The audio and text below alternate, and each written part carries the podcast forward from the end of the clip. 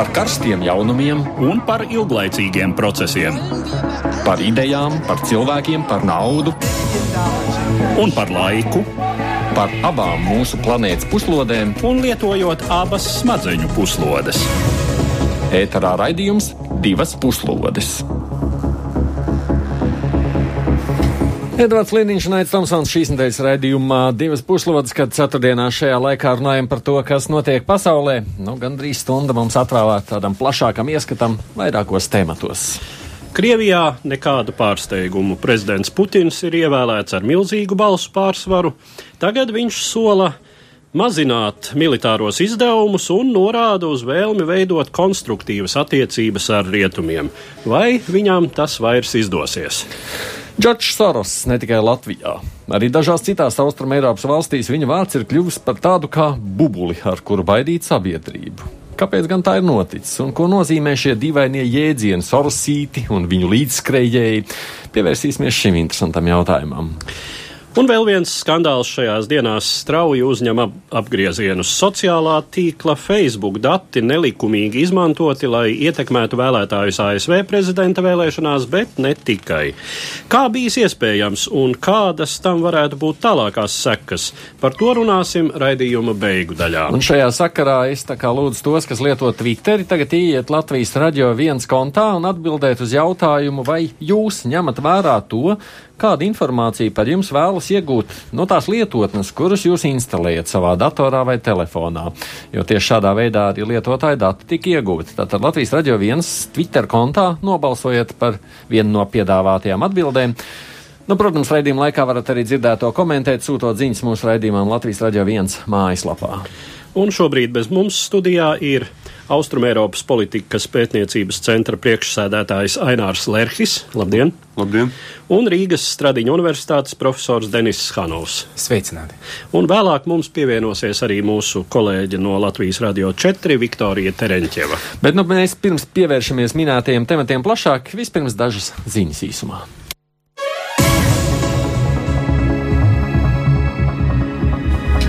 ASV šajā nedēļā notikusi kārtējā apšaude vidusskolā, kur ievainoti divi pusauģi, bet šāvējs nogalināts. Skolā Merlēnas štatā ir ievainots 16 gadus vecs meitene un 14 gadus vecs zēns. Abi cietušie nogādāti slimnīcā. Slimnīcā un meitenes stāvoklis ir raksturots kā kritisks. Apšaude ir notikusi skolas gaitenī no rīta pirms stundu sākuma. Šāvēji ievainojas ar skolas apsargs. Merlēnas gubernators Lerijs Hogans ir atzīts, ka ar lūkšanām vien nepietiks. Ir jāturpina diskusijas par drošību Amerikas Savienoto Valstu skolās. Katalonijā joprojām nav izdevies izveidot valdību. Līdšanie izvirzītie premjerministra amata kandidāti nav varējuši uzsākt darbu, jo atrodas vai nu bēgļu gaitās, vai arī apcietināti. Pēc tam, kad viņi piespiedu kārtā ir atsaukuši savus kandidatūras, separātistu partijas tagad varēs izvirzīt jaunu kandidātu. Spānijas vēsturiskajā Katalonijā neatkarības cīņa līdz šim ir bijusi nesekmīga, un arī tālākais šobrīd tādu skaidrāku perspektīvu nesniedz. ASV Teksas štata galvaspilsētā Austinā vakar uzspridzinājies ir vīrietis, kurš tiek vainots par piecu sprādzienu sarīkošanu pilsētā. Austinā šomēnes eksplodēja pieci spridzekļi, laupot dzīvību diviem cilvēkiem un vairākus ievainojot. Tie visi tika piegādāti it kā būtu pasta sūtījumi. Viens no spridzekļiem eksplodēja otrdien piegāžu uzņēmumu FedEx šķirošanas telpās. Policijai beidzot izdevās nākt iespējamam vainīgiem uz pēdām. Viņai izdevās izsekot aizdomās turmā automašīnu līdz kādai viesnīcai ārpus Ostinas. Policists gaidīja policijas pēcvienības ierašanos, kad aizdomās turmais iedarbināja dzinēju un grasījās aizbraukt. Aizdomās turmā motīvi nesot bijuši teroristiski. Viņš vienkārši bijis garīgi nelaimīgs, nu, laikam, nevesels cilvēks. Interesantas diskusijas izvērsušās par to, vai citu valstu vadītājiem vajag apsveikt Krievijas prezidentu Vladimiru Putinu ar pārvēlēšanu amatā. Piemēram, Lietuvas prezidents paziņoja, ka Putinu neapsveiks. Latvijas prezidents Rēmons Vējons ilgāk domāja, tomēr beidzot vakar apsveic. Savukārt ASV prezidents Donalds Trumps nesot klausījis savu drošības padomnieku brīdinājumam neapsveikt Putinu. Tā vēst ASV laikraksta The Washington Post. Viņš ir sazvanījies ar Putinu un jau esot arī gatavs tikties ar viņu, lai pārnātu aktualitātes esot atteicies sarunā nosodīt dubulta aģenta Sergeja Skripaļa saindēšanu Lielbritānijā. Jāpiebilst, ka Trumpa apsveikums ASV ir izraisījis daudz diskusiju. Un vēl kāda beidīga dabas ziņa. Rezultātā Kenijā, rezervātā Kenijā ir miris pēdējais no ziemeļu balto degunraģu tēviņiem - 45 gadus vecais degunrads Sudāns. Tagad pēc viņa nāves šo sugu pārstāv vairs tikai divas degunraģu mātītes. Sudāna nācās iemidzināt vecumu izraisīto veselības problēmu dēļ. Ziemeļa Baltijiem degunražiem vairs nav nākotne malu, med, malu mednieku un arī Āfrikas karu dēļ. Vēl pagājušā gadsimta 60. gados savaļā dzīvoja aptuveni 2000 šo degunražu, bet jau 84. gadā to skaits malu medniecības dēļ bija sarucis līdz 15. Tiesa pirms nāvis no Sudāna tika savākts ģenētiskais materiāls un spermas paraugi, kas iespējams nākotnē kaut kad dos cerību laboratorijā radīt jaunu šīs sugas pārstāvis. Tādas dažas ziņas, bet nu par pieminētajiem sākumā tematiem plašāk, un mēs iesāksim ar gandrīz vai leģendāro Sorosu.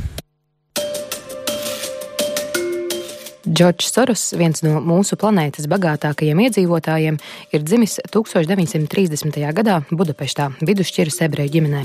Pateicoties viltotiem dokumentiem, Soros izdzīvoja holokaustā un 17 gadu vecumā nākamais multimiljardieris pameta savu dzimteni un devās uz Londonu.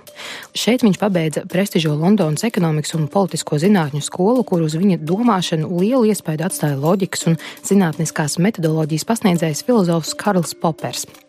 Popera teorija par atvērtām un slēgtām sabiedrībām kļuva par Džordža Sorosa politisko uzskatu stūrakmeni. 1956. gadā viņš pārcēlās uz Ņujorku, kur sāka strādāt kā akciju tirgus brokeris. Šajā laikā viņš attīstīja savu ekonomisko procesu izpratni, kas, kā apgalvo pats finansists, ļāvus viņam gūt panākumus. Atšķirībā no tobrīd dominējošajām teorijām, kas uzlūkoja ekonomiskās sistēmas kā permanenti tiecīgas uz līdzsvaru, Soros parādīja, ka šīm sistēmām piemīt arī periodiskas no tirgus dalībnieka noskaņojuma izrietošas destabilizācijas tendences. Savu ceļu pretī kapitāla virsotnēm Džordžs Soros uzsāka 1969. gadā, nodibinot savu pirmo investīciju pārvaldīšanas fondu. 1970. gadā tapa viņa mūža lolojums - Soros Fund Management, vēlāk pārdevēts par Quantum fondu.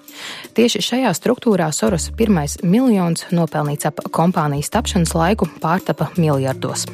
Slavenākā Soros finanšu operācija ir spekulācija ar britu mārciņām 1992. gadā, kas nesusi finansistam ciniska krīžu inicētāju un nacionālo ekonomiku grāvēja reputāciju. Sorosa veiktā mārciņu izmešana tirgu izraisīja strauju britu valūtas kursa kritumu. Protams, krīzes priekšnoteikums radīja Britu valdības finanšu politika, tomēr fakts paliek fakts. Apvienotās karalistes valsts kasē šī krīze izmaksāja teju 3,5 miljardus, savukārt Sorosam ienesa apmēram miljardu vērtu peļņu. Austrumēropā, tā skaitā Latvijā, Džordža Sorosa renomē lielā mērā veidojušas viņa filantropiskās aktivitātes. Sākodams savu skolotāju Karla Popera mācībai, Soros jau vairāk nekā 30 gadus iegūda ļoti apjomīgas summas projektos, kuriem jāveicina atvērtu sabiedrību nostiprināšanās pasaulē. Austrumēropā sevišķi aktīva Sorosa nodibinājuma darbība izvērtās pirmajās desmitgadēs pēc padomju sistēmas sabrukuma. Viņa nodibinājumu atbalstīja izglītības un pieredzes apmaiņas programmas, tiesiskuma nostiprināšanas un sabiedrības integrācijas pasākums, kultūras aktivitātes. Sevišķi nozīmīgs šis atbalsts bija finansējuma trūkuma apstākļos, kādu piedzīvoja tā laika pārējais sabiedrības. Tomēr, kā izrādās, šodien arī šai Džordža Sorosa darbībai ir nemazums noliedzēju. Izskan viedokļi par Soros marksītismu, tradicionālās un sevišķi jau nacionālās vērtības graujošu sazvērniecisku kustību. 2015. gadā Krievijas Federācijas ģenerāla prokuratūra atzina Soros fondu par federācijas teritorijā nevēlamu organizāciju.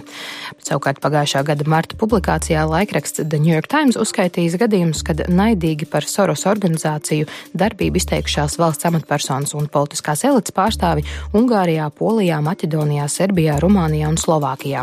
Latvija šajā publikācijā nav minēta.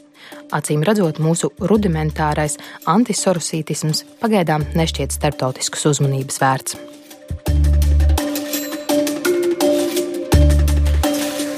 Es atgādinu, ka kopā ar mums ir arī Ainārs Lērks un Denis Hanovs. Ko jūs sakāt, kāpēc Džordžs Soros ir kļuvis tik biedējošs? Jūsu versijas, Denis. Uh, redziet, uh, es uh, biju viens no tiem, kurus noteikti varat ierakstīt tajā Sorosīta sarakstā, Sorosīts, nu jo es biju uh, pusgadu izbaudījis iespēju strādāt analītiskai centra providus, kā stipendijāts.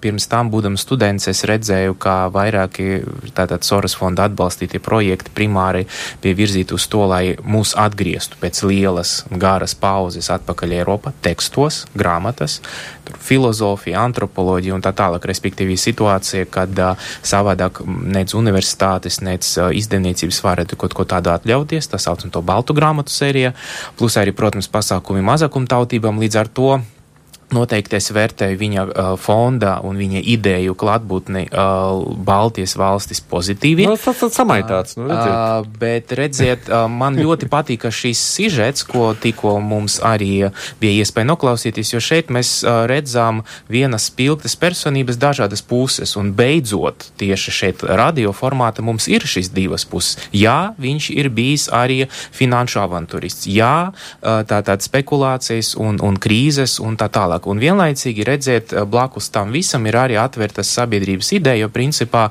visdrīzāk tas ir liberālismā, tā teikt, kultūras tāds, nu, varbūt tāda formula, kur ideja ir par brīvo individuālo personību, kas var pati orientēties arī suverēni, eh, gan politika, gan mediju telpa, un tādēļ tas valstis, kur, kuras bija uzskaitītas, kā valstis, kur pastāv šī negatīva attieksme pret Sorosu, nu, būsim godīgi, eh, šais valstis ar liberālismu idejām, nu, tā ir pašvāki, ja? un pēc būtības šajā reģiona mēs arī redzam, politiķi gribētu mūs atgriezt tādā lielas draudzes vai kopienas telpa, kur principā kāds mums uh, kaut ko lem un dot priekšatas vēstījumu un pareizu virzienu. Sorosa fonda idejas un domas, manuprāt, uh, atbrīvoja telpu pirmkārt diskusijai, otrkārt pašam lemt uh, un īstenībā rīkoties brīvi. Un šādiem pilsoņiem oligārhi nav vajadzīgi.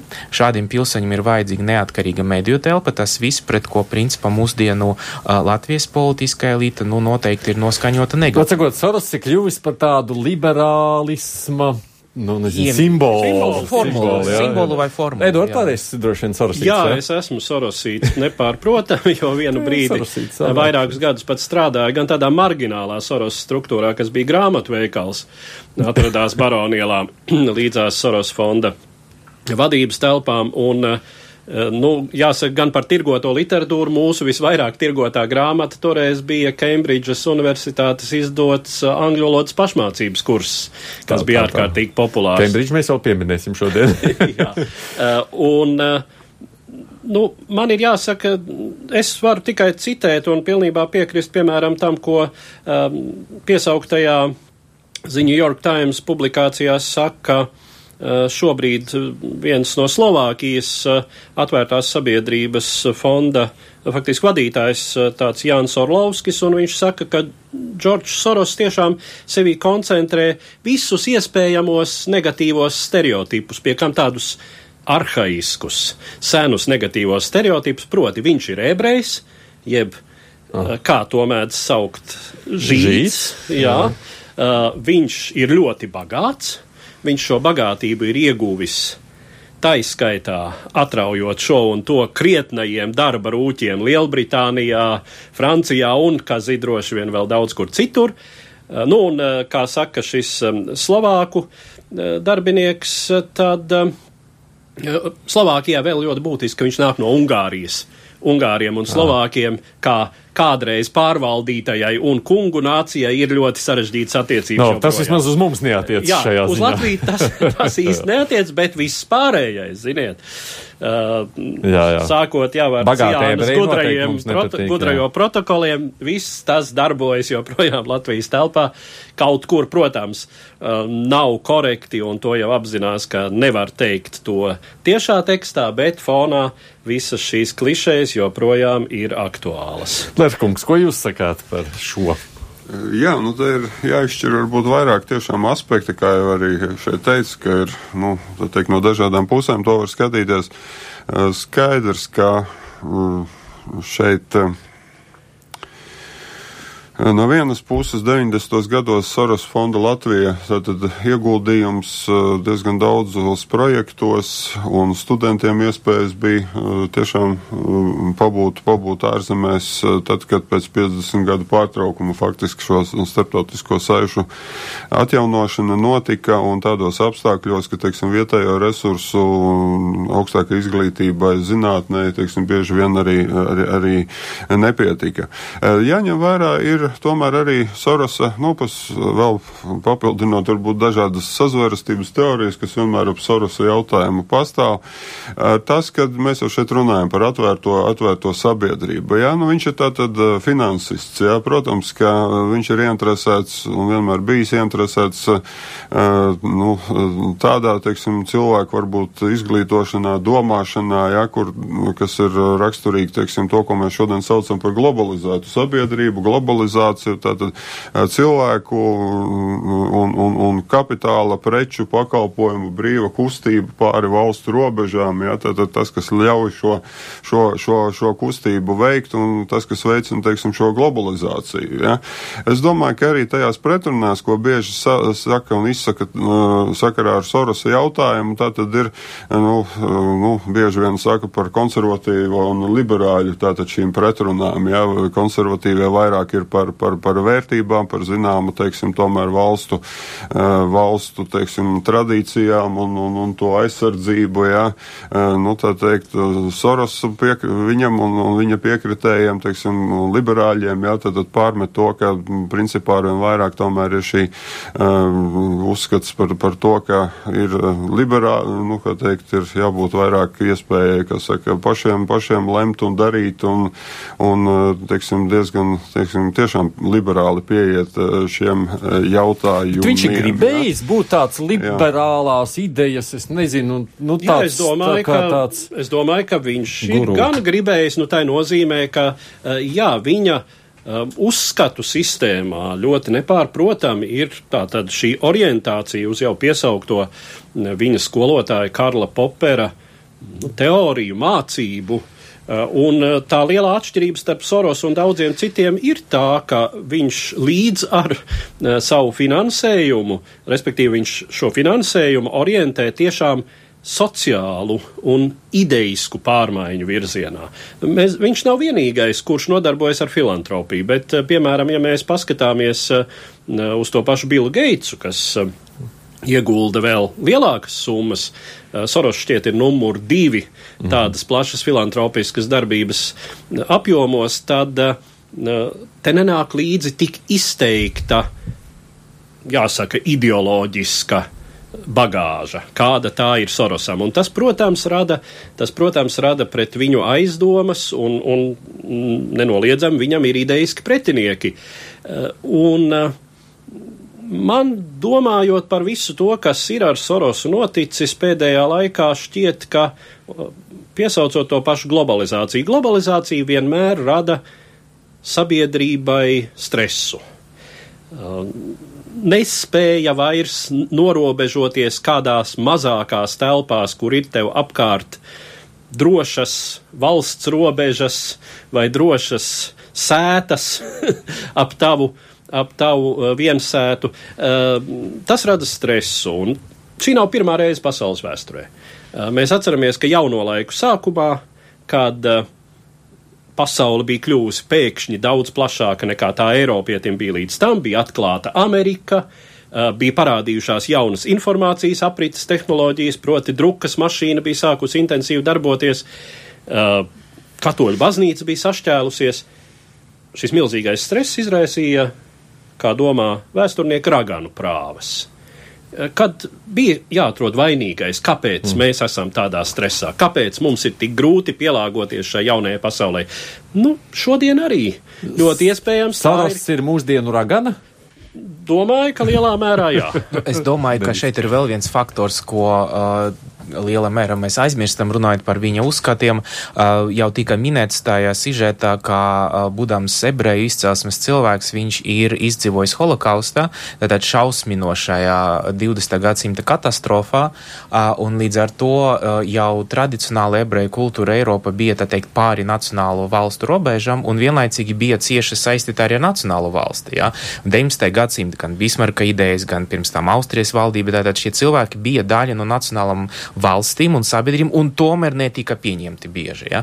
Līdz ar to cilvēks, kas ir izdzīvojis totalitāras ideoloģijas neprātu, kur dalīja pēc uh, etniska un rases izcelsmes, un cilvēki to pieņēma, noteikti mēģinās arī savos darbos un savus uzskatus tomēr nu, kaut kāda veida neatkārtot šis šausmas, un arī principā tas, ko viņš piedāvāja, ir daļēji ļoti pretrunīgas, bet tomēr receptes pret totalitāro sabiedrību. Ja? Jo totalitārisms nevienmēr maršē uniformas, un totalitārisms nevienmēr nozīmē koncentrācijas nometni, bet tas nometnes ir arī mūsu galvas.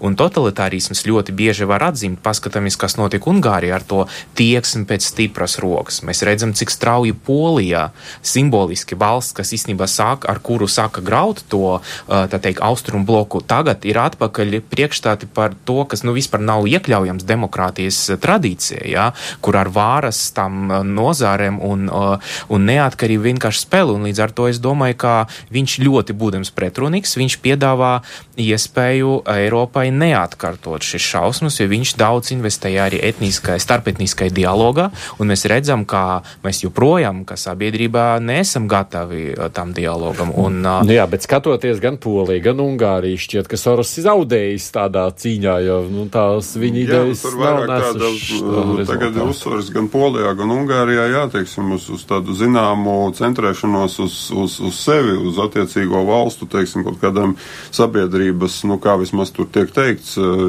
iekšējām, iekšējām interesēm, un tad vienmēr ir tas uh, lozungs un tā doma par to, ka pret ārējo apdraudējumu, kas tā kā nāk pāri valstu robežām un nāk iekšā attiecīgajās valstīs, ja, teiksim, Sorosam bieži pārmet arī to, ka nu, viņa faktiski tā, tā līnija uh, ir vērsta teiksim, uz, uz, uz galu galā teiksim, uz, uz, uz nāciju sajaukšanu, uz tautu sajaukšanu. Jā, teiksim, jā, un šis, šis teiksim, aspekts bieži vien tiek attiecīgi. attiecīgi arī, arī teiksim, minēts. Jā, nu, Sorosa ietekme, jā, nu, ko var teikt, jā, mūsdienu apstākļos, ka teiksim, dažu multimiljardieru nu, teikt, personīgo ienākumu, teiksim, viņu labklājības līmenis un viņu rīcībā viņiem piedarošie finansu līdzekļi sastāda pat vairāk nekā dažu nelielu valstu valsts budžeti. Jā, tātad mēs jau šeit runājam par transnacionālo korporāciju teiksim, ietekmi. Jā, un tas tātad Sorosa vārds ir šeit kā sinonīms. Nu, vienīgais tagad viņam jau ir daudz gadu, vai ne? Kas tās viņa idejas tālāk turpinās? Tas ir jautājums droši vien. Jā, nu tas ir jautājums, cik viņa tiešie mantinieki, kas viņam ir, eh, būs gatavi turpināt, lai gan es pieļauju, ka tā struktūra, šie atvērtās sabiedrības fondi jau nu ir tik uh, stabili uh, jau un, un situējušies, ka es domāju, tur vienkārši tas tiks testamentārā ceļā Noteikts. Ah, nu, ies, es tā pieļauju. Tā arī varētu gadīties. Nu, tik tālu par Soros. Laiks iet uz priekšu, un mēs turpinām ar nākamo tēmu, tālāk par Krievijas tālāko politiku.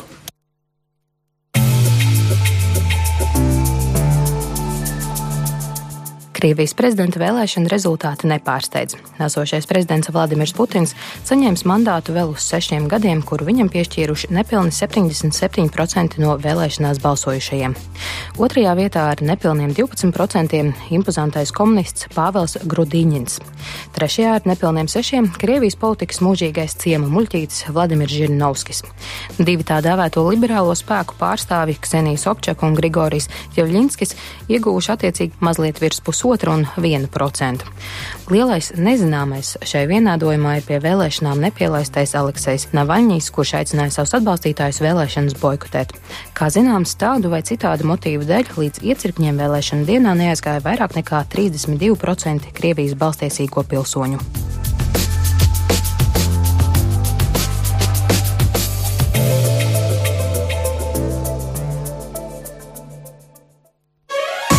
Divas puslodes. Šorīt mums studijā ir pievienojusies vēl viena viešņa, Latvijas radio 4 producenta Viktorija Trenceva. Sveika, Viktorija, arī Labdien. tev. Viktorija, pagājušā gadā tur bija kā Latvijas televīzijas korespondenta pareizi, es saku, Tiesa, ne, jā. Maskavā tur dzīvojot. Mēs arī pagājušajā reizē runājām par to, ka Putins ļoti labi uztver tautas noskaņojumu, sakot, nu, ko cilvēki vēlas, un tad viņš attiecīgi arī reflektē. Viktorija, sāksim arī uzreiz ar tevi. Ko tavuprāt tauta sagaida no Putina? Uh, par tautu runāt, man liekas, tas ir grūti, ņemot vērā Krievijas uh, izmērus uh, kopumā, bet uh, ko es varu pateikt par, uh, vairāk par tiem jauniešiem, kas uh, piedalījušies uh, tais protestās, akc, protesta akcijās uh, martā, pagājušā gada martā, pagājušā gada jūnijā.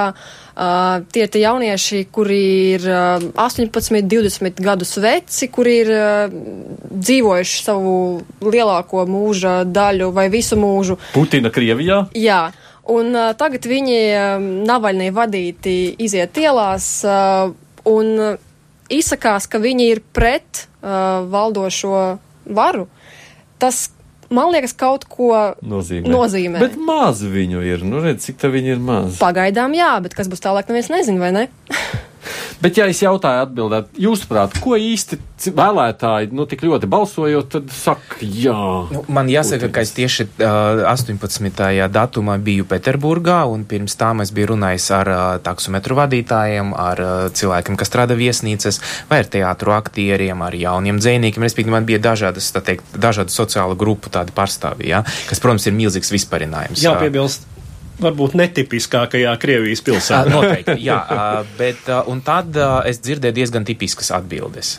Respektīvi, taksometru vadītāji sagaida vai apkopējas viesnīcas, sagaida no Putina politikas turpinājumu, primāra stabilitāti, un viņš arī darbojas kā stabilitātes garants, respektīvi viņš diezgan labi izmanto cilvēku priekšstats par to, kā pirms viņa bija haoss, tie šausmīgi 90. gadi, un viņi regulāri atkārto šo stāstu. Ot, manai mammai nemaksāja pensiju mēnešiem, un tagad Putina laikā, viņi īstenībā arī uh, sarunā lietu to pašu formulu, kas agrāk bija cara laika, tātad uh, tādā cara laika, un tādā cara laika, un tagad Putina laika, ja?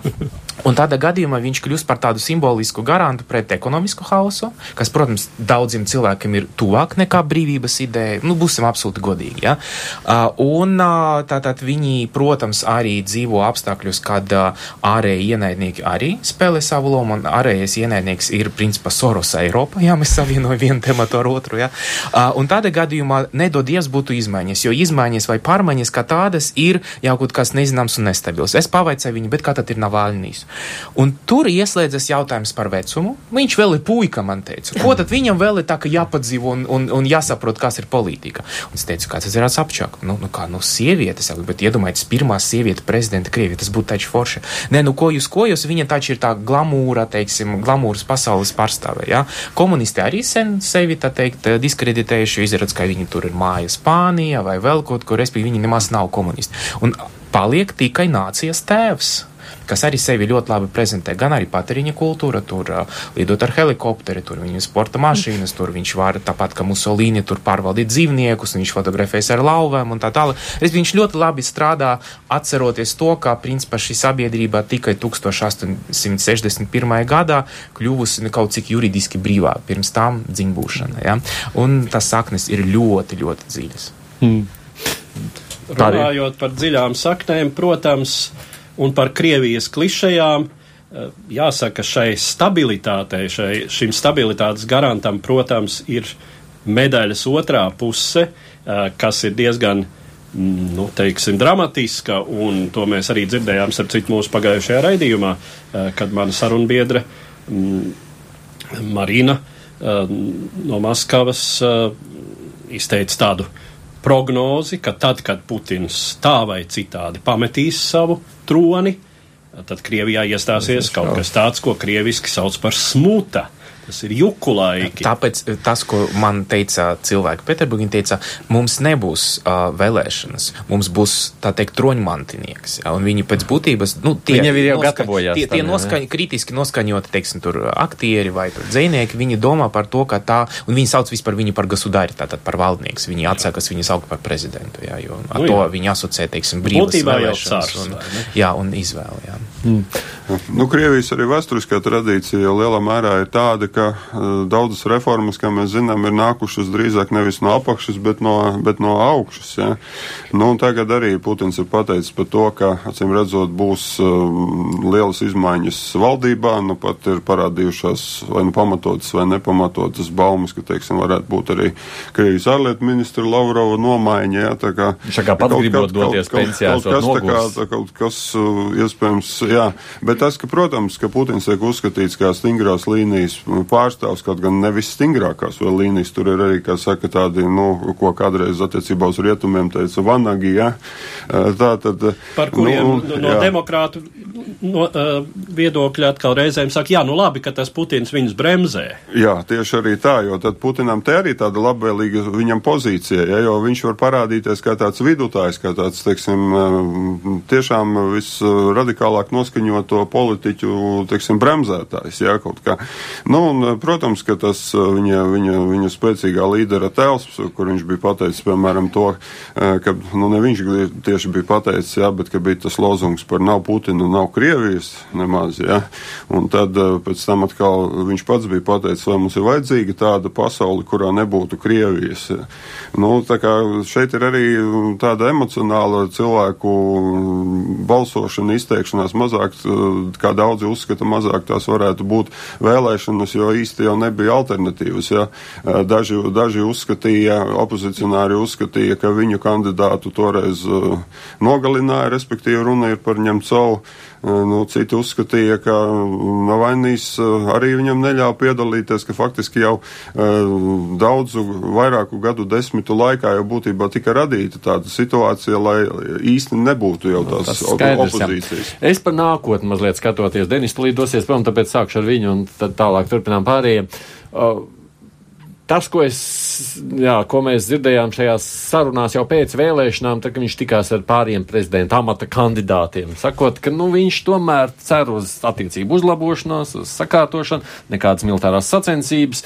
Nu, tā kā mēģinot, tā kā saka, nu, es pagriezīšu tagad uz rietumu pusi mazliet pozitīvāk. Izdosies vai nē? Jā, es domāju, ka neizdosies, jo tas būs tikai tāds galma pagrieziens, jā, tas būs tā, tāda dējas figūra bez īstenībā satura nomaiņas, jo īstenībā tieši, tā teikt, attalināties no rietumiem un no demokrātiskas telpas ir viņa vestījums sabiedrībai, un mums arī jāsaprot, ka, protams, var daudz ko pārmest tur viltot rezultātus un tā tālāk. Nav tie rezultāti viltot. Nav vienkārši nepieciešamības un nav jēgas. Viņu mīl, viņu masveida atbalsta, viņš perfekti pie tā strādā, un es domāju, ka vēl diezgan ilgi, kamēr pašai sabiedrībai brīvība nekļūs akūtāka vajadzība nekā stabilitāte, un tas, protams, ir saistīts ar Krievijas ekonomiku.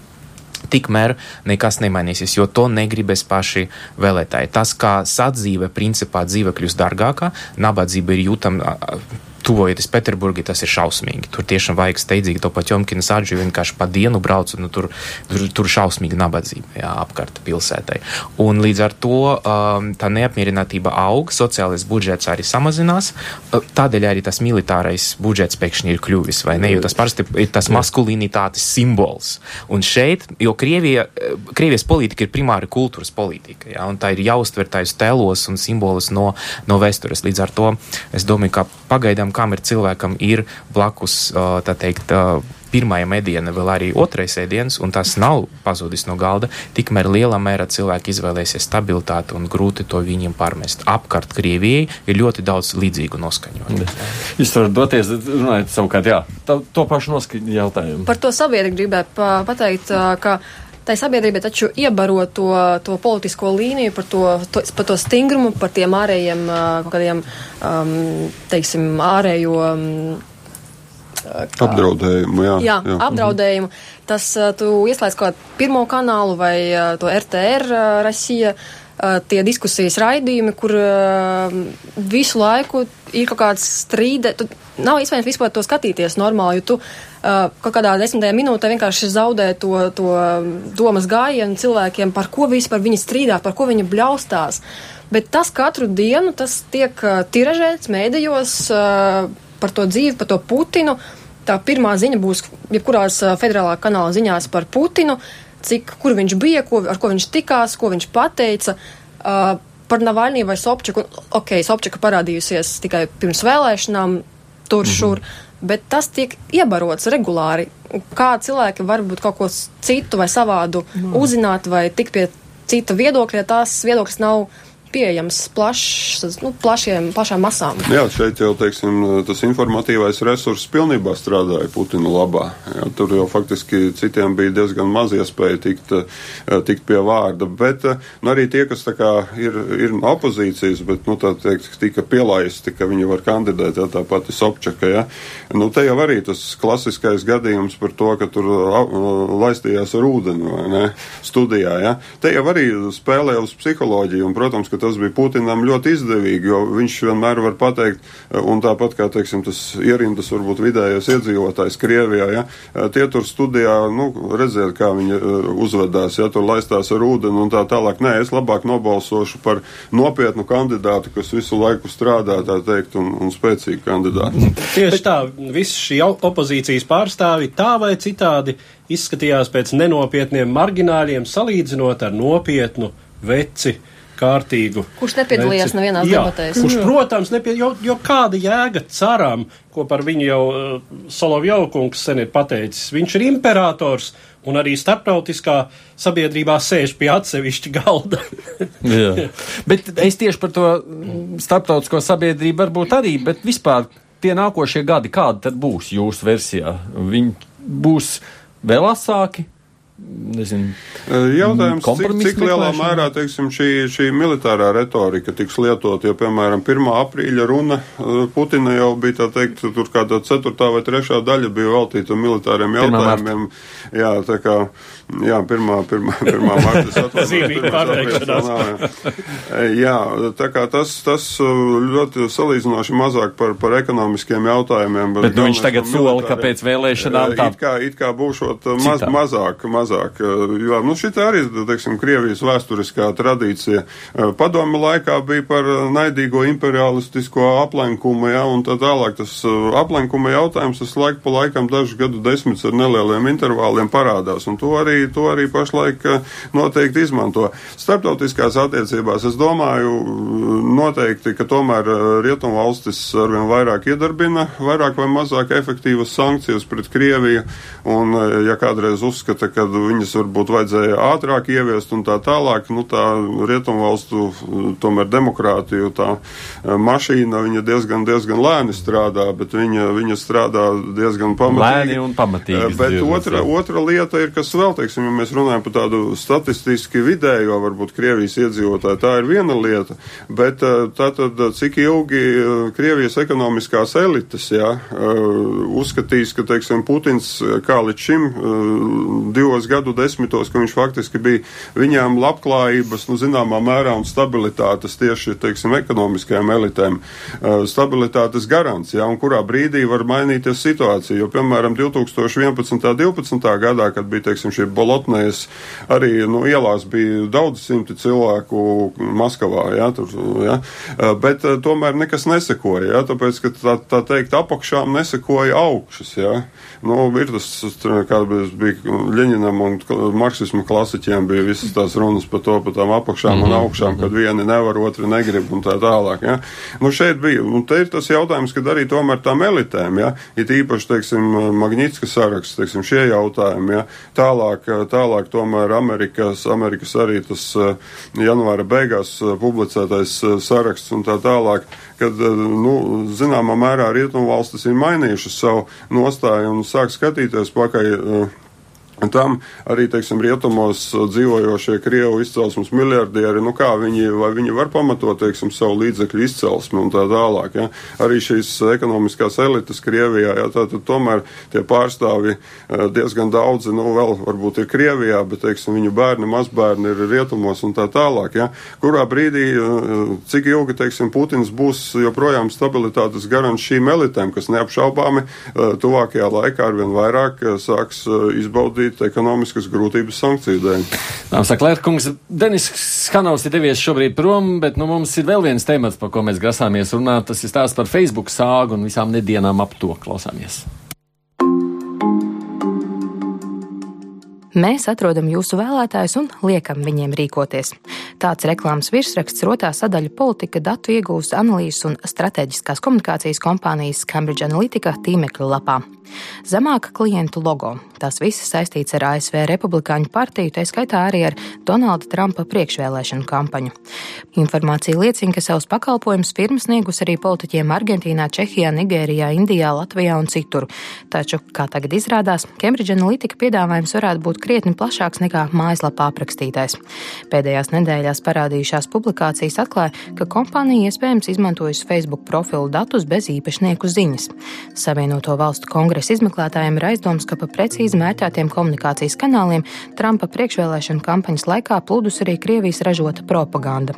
Savukārt Brītu sabiedriskās televīzijas Channel 4 publiskotā video ierakstā nu jau atstādinātais Cambridge Analytica šefs Aleksandrs Niks dzirdams sakām, ka kampaņai Šrilankā gatavs konkurējošo kandidātu diskreditēšanai likt lietā arī smukas ukraiņu meičas.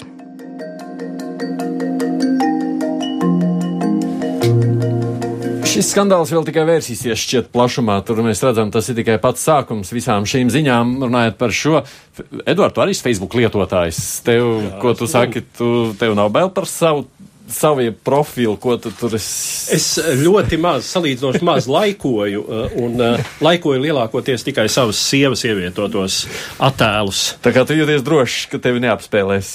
Nu, um, vairāk vai mazāk, lai gan, lai gan droši vien, ka ja pie tā uh, kaut vai pie tā, ko es skatos un kam es sekoju, un tās publikācijas, kuras es varbūt tur tajā laika joslā atveru, lai izlasītu, Eh, ja tādus datus varētu apkopot, izanalizēt, nu, droši vien par kaut kādām manām uh, gluži, negluži pareizi latviešu sakot, preferencēm varētu spriest. Nu, no otras puses, teiksim, manas politiskās simpātijas par to, ko, par ko es varētu balsot un par ko es nu, pilnīgi noteikti nebalsotu, droši vien arī ir ātrāk un efektīvāk tad būtu izfiltrēt no manām uh, nepārprotam publikācijām pirmām kārtām jau Latvijas radio ēterā. Bet tu jau varbūt jūties drošāk sakot, nu ar tevi jau tik viegli nevarēs manipulēt, tu taču esi. Nu, es tā gribētu par sevi domāt, protams. Lai gan es no otras puses visnotaļ saprotu, ka uh, ir cilvēki, ar kuriem var mani manipulēt, un man ir bijuši daži nepatīkami pārsteigumi pēdējos gados par to, kā cilvēki ļaujas Uh, šai um, ietekmēšanai, kaut kādiem noskaņojumiem. Uh, nu, uh, tā informācija, kas, kas plūst uh, taiskaitā Facebookā par mm, un veido viedokļus par migrantu šausmām, kas draud Latvijai, uh, par Eiropu kā neizdevušos projektu, uh, par eiro kā uh, nacionālo identitāti un nacionālās ekonomiskās intereses iznīcinošu spēku un tā tālāk un tā tālāk. Un, un Latviju kā neizdevušos uh, starptautisko spēku vasaļu valsti. uh, šie viedokļi, kurus reizēm pārpublicē un, un kuriem tā vai citādi pieslienas uh, man līdz tam zināmi un par inteliģentiem uzskatīti cilvēki, nu, tas brīviem ir šokējoši. tā, ja. Viktorija, tev pašai ir tā kā bažas par visu šo. Man liekas, ka šī situācija parāda, ka Facebook nav, nav mūsu draugs, nav, nav cilvēku draugs. jo tas ir tāds um, instruments vai, vai rīks, kā var ietekmēt uh, cilvēku iedzīvotāju vai Facebook lietotāju prātus. Uh, tas iet roku rokā, man liekas, arī tas fake news uh, tādam jēdzienam uh, un tie visi testi, kas Facebookā bieži vien parādās, kas tu biji pagājušā dzīvē vai, vai kāds dzīvnieks tu esi un tu tālāk. Man liekas, tas mums jāpieiet uzmanīgāk pie šiem, testim, pie šiem testiem un kādu informāciju mēs sniedzam aizpildot šos testus. Varbūt, varbūt tev to testu nevajag. Kāpēc tu gribi kaut kā tur tavus datus kādam nezināmai personai atdot, uzdāvināt pa lielam? Bet tev pašai, pieņemsim, šķiet, nu, ja kāds tāds zinās, kurš dzīvnieks tev patīk un kas tu biji iepriekšējā dzīvē, vai tev šķiet, ka, nu, varēs ar tevi manipulēt tālāk? Es nezinu, kas uh, tam testam ir iekšā tehniski un kā, pie kādiem datiem um, kad kāds aizpild to testu, pie kādiem datiem tiek kāds cits, citā pasaules pusē, piemēram, vai kaut kur citur. Kas tur iekšā ir, kā, kas sēzītim vedarā, vai ne? Mm. Neviens to nezina. Un kas slēpjas aiz šī testa, aiz šī pagājušās dzīves dzīvnieka vai, vai kā citādi. Un tad pēkšņi parādās informācija par to, ka viens no deputātu kandidātiem savā laikā ir noslīcinājis ezi. Aidār, ko jūs Jā, nu, te, ir, te ir jautājums par to, ka Eh, mūsdienās jau sociālajie tīkli ir faktiski tikpat spēcīgi un var mēroties ar eh, masu medijiem. Jā, tas ir pilnīgi jau tā kā divas, divas dažādas, eh, divi dažādi kanāli. Jā, ja kādreiz uzskatīja, ka masu mediji tiem ir liela nozīme, tad sociālajie faktiski jau ar, ar pilnīgi, nu, ar krietni brīvāku, teiksim, režīmu un izteikšanās iespējām nekā tas ir masu medijiem, tad faktiski sociālajie tīkli ir paralēli. Nākošais ir, protams, ka katrs cilvēks jau atbild par to, ko viņš, ko viņš raksta Eh, Facebookā ja, un citos, citos sociālos tīklos. Un, eh, nu, to, ko mēs varbūt nevaram zināt, ja, ir tas, eh, ka droši vien, ja mēs runājam par dažādiem, es nezinu, šo varbūt tehniskās puses šai lietai, ja, bet kad runā par dažādiem tur datu novietošanu mākoņos un kur, kur tik vēl nē, ja, kāds jau kontrolē to mākoni, ja, un tad kur tad, kur tad aiziet tie dati, ja, tas ir tas, ir tas jautājums katrā, katrā ziņā šajā, šajā gadījumā gadījumā. Mēs tad, kad Twitterī savukārt jautājām nu, tiem klausītājiem, vai cilvēki vispār pievērš uzmanību, nu, kādai informācijai viņi parakstās. Tad, kad mēs instalējam jebkur lietotni, vienalga, kāds būtu, tur jau ir informācija. Ko tad viņi grib zināt tālāk par Jā, mums? Kādas divas, ne? trīs lapus, kuras tev ir jāizlasa, lai saprastu? Mēs arī nelasām. Nē, nu, fa interesants ir fakts, es īsti tāpēc neesmu pārliecināts. Tie, kas mums šeit balsoja, ja, viņi saka, 68%, nu, divas trešdaļas saka, ka viņi vispār cenšas ierobežot šo te informācijas pieprasījumu. Bet kā viņi cenšas? Bet kā es arī nesaprotu, jā, jo man jau liekas, ka tur vai nu tu piekrīt, vai tu pie tās lietotnes nevar nekādu piekļūt. To nē, nē, nu, tur ir, beidzās. Ir jau, ir jau opcijas, kur tu vari, teiksim, atslēgt paziņojumus vai, uh, vai kā citādi. Lai gan, nu jā, man jāsaka, es arī neesmu iedziļinājies. Uh, un, uh, Mēs esam no tiem, kas spiežam piekrīt, vai ne? Nu, kad nu, prasa, tad lielākoties jā. jā. Un, un, un jāsaka, jo ka trešdaļa saka tā, ka viņi par to neraizējas. Tā nu, fundamentālā tā. problēma ir tā, ka cilvēki joprojām ir raduši uztvert, ka tas, kas nonāk pie viņiem caur kādu mediju, ir jau ar zināmu ticamības segumu, ka tas tomēr ir izgājis cauri kaut kādam filtram. Eh, tas ir tas pats efekts, kas savulaik tika konstatēts, ka cilvēki daudz vairāk tic tam, ko parāda ki kinohronikā, nevis tam, ko diktors pastāsta par radio. Eh, un šajā gadījumā nu, nav tās loģiskās izspriešanas, ka būtībā cilvēks Facebook, ar Facebook profilu, kura izteikumu tu lasi, nu, nav ne ar ko uh, uzticamāks vai autoritatīvāks uh, par tantiņu centrāla tirgus zivju paviljonā. nu, ne ar ko. Ja? Bet mums šķiet, ka ja viņš parādās mums priekšā ekrānā, ja?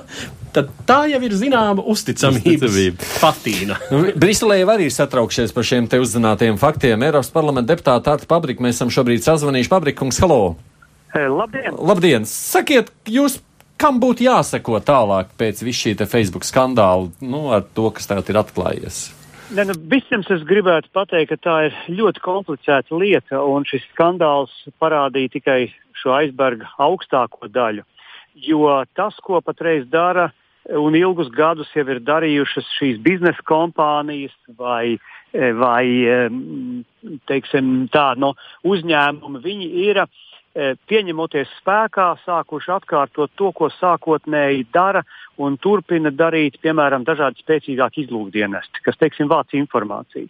Jo vērtība jau ir tieši šī informācija, šie dati. Ja ir kāda aplikācija, kur jūs mm, augšuplādējat par brīvu vai kaut ko iegūstiet, tas nozīmē, ka e, ka jūs uh, vienkārši pēc kāda laika kādu informāciju apzinoties vai neapzinoties kādam atdodiet. Tas ir pirmais. Otrais, e, lielākā daļa, nu, tas, ko jūs iepriekšējā sarunā minējāt par to, ka tur maziem būtiņiem nu, neviens no mums neizlasa, šīs kompānijas ir veicinājušas tādu e, kultūru sociālajos tīklos, kas ir balstīta uz e, ne apzinīgu, neapzinātu izvēli. It kā jau mēs parakstamies, bet mēs neesam līdz galam sapratuši, par ko mēs esam parakstījušies.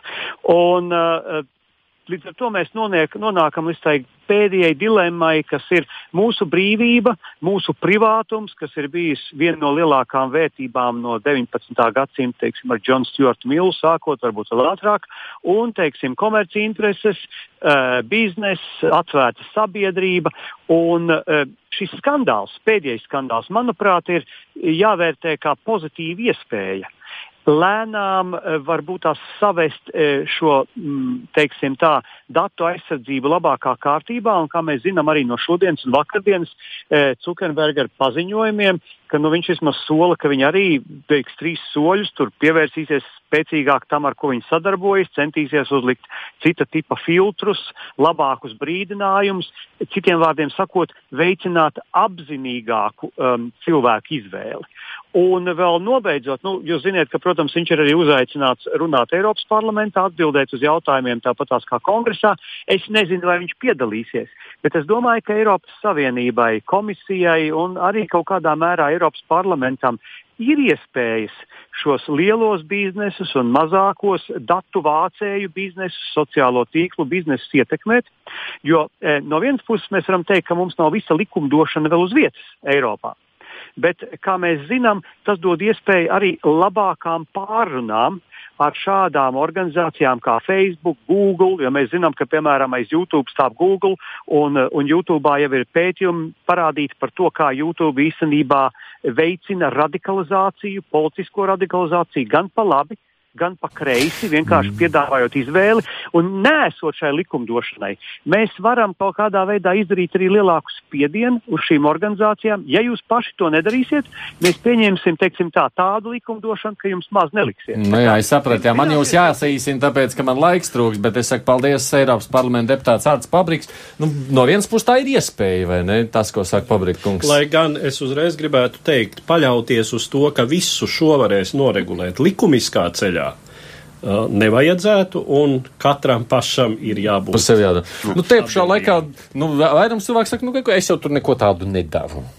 Jā, bet, teiksim, man liekas, ka elektroniski uh, ir acīm redzot iespējas, eh, nu, teiksim, sekot, eh, ko, ko tu skaties, piemēram, ja, jo, piemēram, nāk, es domāju, ka tur kaut kādi automāti strādā droši vien, ja. Bet, lai tak viņi skatās, mēs viņi sakām, pie, piedāvā nu, tev kaut ko tādu, ko, ko, ko tu esi, teiksim, jau, jau, jau skatījies. Un, interesanti arī šajā sakarā WhatsApp līdzdibinātājs Brians Aktons, faktiski viņš ir pēdējās dienās vispār aicinājis slēgt Facebook un aicinājis, lai visi oh, no lietotāji šo sociālo tīklu, tīklu pamestu. Viņš gan bija laikam pats tur ieguldījis savā laikā diezgan daudz līdzekļu. Konkurentiem tā ir iespēja, protams, šajos laikos. Interesanti katrā ziņā. Facebook kā tāda, pavisam īsi, 10 sekundes. Par to slēgšanu arī jāsarās, kā pēdējās dienās arī kaitējums tika nodarīts arī pašam Facebookam. Viņa akcijas arī tur nokritās. Cik tur 6 miljārdus zaudējis? 40. nu jau 40. Tā kā viss tā kā arī iet uz kaut kādu pusi, varbūt arī nebūs tā Facebook pēc kāda laika, kas zina. Viktorija Trenceva, Latvijas raidījuma 4 producenta, Austrumēropas politikas pētījuma centra priekšsēdētājs Sēnās Lērkis, nu, protams, arī kolēģis Edvards Liniņš, producenta, mūsu producenta Ieva Valēna un Aidis Tomsons arī bija šeit studijā. Mēs jau tālāk atkal tiksimies pēc nedēļas, kad lūkosimies, kas atkal notiek abās šīs zemes puslodēs. Tātad saku visiem jums līdz nākamajai reizei.